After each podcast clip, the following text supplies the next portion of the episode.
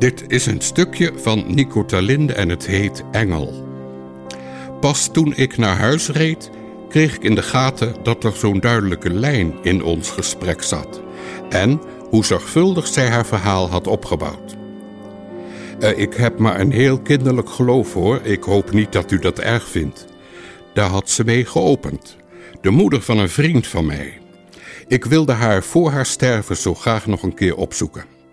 Ik heb maar een heel kinderlijk geloof. Nou heb ik dat zelf ook en ik geneer me daar af en toe voor. Dus ik begreep die opening wel. Ik grijnsde wat dom terug. De vrouw vertelde dat ze moeite had met haar predikant. Hij had bijvoorbeeld met kerstmis verklaard dat dat geboorteverhaal van Jezus dat is niet echt gebeurd.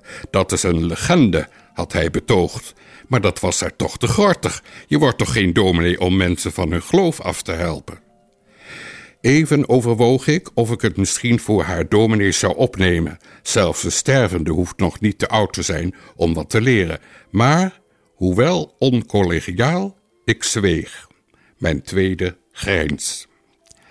Eigenlijk had ze al lang dood moeten zijn. Maar als door een wonder had ze er nog een paar maanden bij gekregen. Zij was daar zichtbaar blij mee.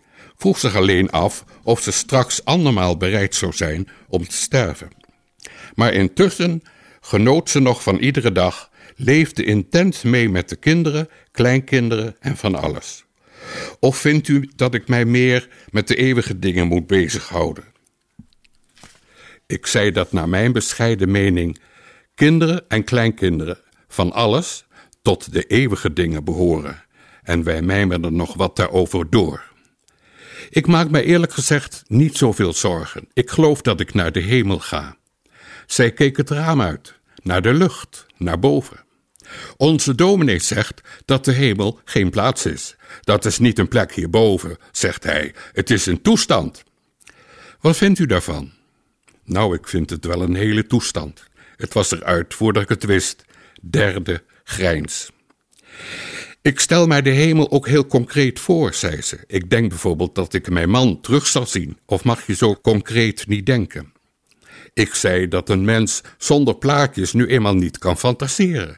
En dat het mij zo'n slechte fantasie nog niet leek, maar dat zij niet raar moest opkijken als het anders uitpakte, want dat in dat geval onze lieve Heer haar stoutste dromen nog zou overtreffen. Ik dacht er al over om eens op te stappen, maar ik voelde gelukkig bij tijds dat zij nog iets kwijt wilde. Ik wilde u nog iets vertellen. U zult mij wel voor gek verklaren, maar ik vertel het toch. Misschien dat u mij begrijpt. Het. Mijn man en ik, wij hebben dit huis samen gekocht. Hij ging met pensioen en wij wilden naar een nieuwe omgeving. En toen hebben we dit huis hier gekocht. Maar voor de verhuizing overleed hij plotseling, afschuwelijk. Toen ben ik hier alleen ingetrokken. Maar wat moest ik hier? Ik kende niemand. Ik heb er nog over gedacht om terug te gaan naar ons oude huis, dat was verkocht. En daar zou ik toch ook alleen zijn. Het was een vreselijke tijd. Ik voelde me zeer verloren. Wat doe ik hier? dacht ik.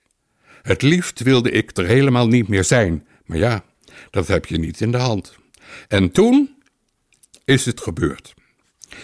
Ik was een eind wezen wandelen en ik kwam weer terug. En toen stond daar op de hoek een klein meisje. Ik had dat kind hier nog nooit eerder gezien. En ik heb haar later ook nooit meer teruggezien. Dat kind keek mij aan met hele grote ogen en zei ineens: Mevrouw, mag ik jou een zoen geven? En ik zei: Ja hoor, jij mag mij een zoen geven. En ik bukte me en dat kind gaf mij een zoen. En toen ben ik mijn huis binnengegaan en ik zei: God, ik heb het goed begrepen. Ik zal meteen aan de slag gaan. Ze keek me aan. Wat vindt u van dit verhaal? Ik kon zo gauw niks zeggen. Ontroering en grijns nummer vier. U moet eerlijk zeggen wat u ervan vindt. Het was een engel, zei ik. Een engel gods. Ja, dat denk ik nou ook. En na een stilte. Maar mijn dominee zegt dat het een doodgewoon kind was op bezoek bij de buur of zo, niks bijzonders, zegt hij. Ik schrijf dat verhaal niet op om mijn ambtsbroeder af te vallen. Het illustreert alleen zo treffend waar wij met z'n allen zo last van hebben.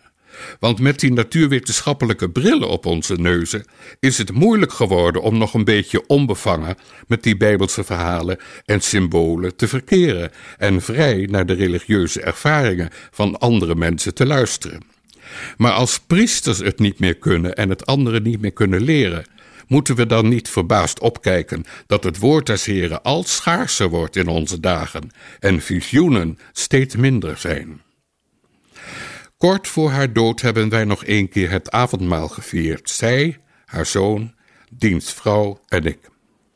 Ik heb nog vaak moeten terugdenken aan dat verhaal, zei ik. Is dat echt waar? vroeg ze. Ja, zei ik. Eerlijk? Ja, het is zo rijk. Meent u dat echt? Ik meen het echt. Weer, net als in het begin, dat behoedzaam aftasten of de kust wel veilig is en of zij met een gerust hart mij dat allemaal kan toevertrouwen, wat dit kostbaar visioen voor haar betekent. En dan komt ze stralend door. Ik vind het zo fijn dat u dat zegt, want het was een ommekeer in mijn leven. Dat God zich met zo'n klein mensenkind bemoeit, maar zo is het wel. En ik heb hier nog zo heerlijk veel kunnen doen. Ik deed mijn cape om en fietste overal naartoe. Het vliegend evangelie noemden ze me hier. Het vliegend evangelie lag nu in bed. Heel ziek en heel gelukkig. Wij gaven elkaar brood en wijn als teken dat God zich met kleine mensenkinderen bemoeit in leven en in sterven. Ontzettend bedankt, zei ze toen wij afscheid namen. Ze lachte. Ja, zei ze, het is volkomen knots wat ik nu ga zeggen, maar ik zeg het toch. Ik zal dit mijn leven lang niet vergeten.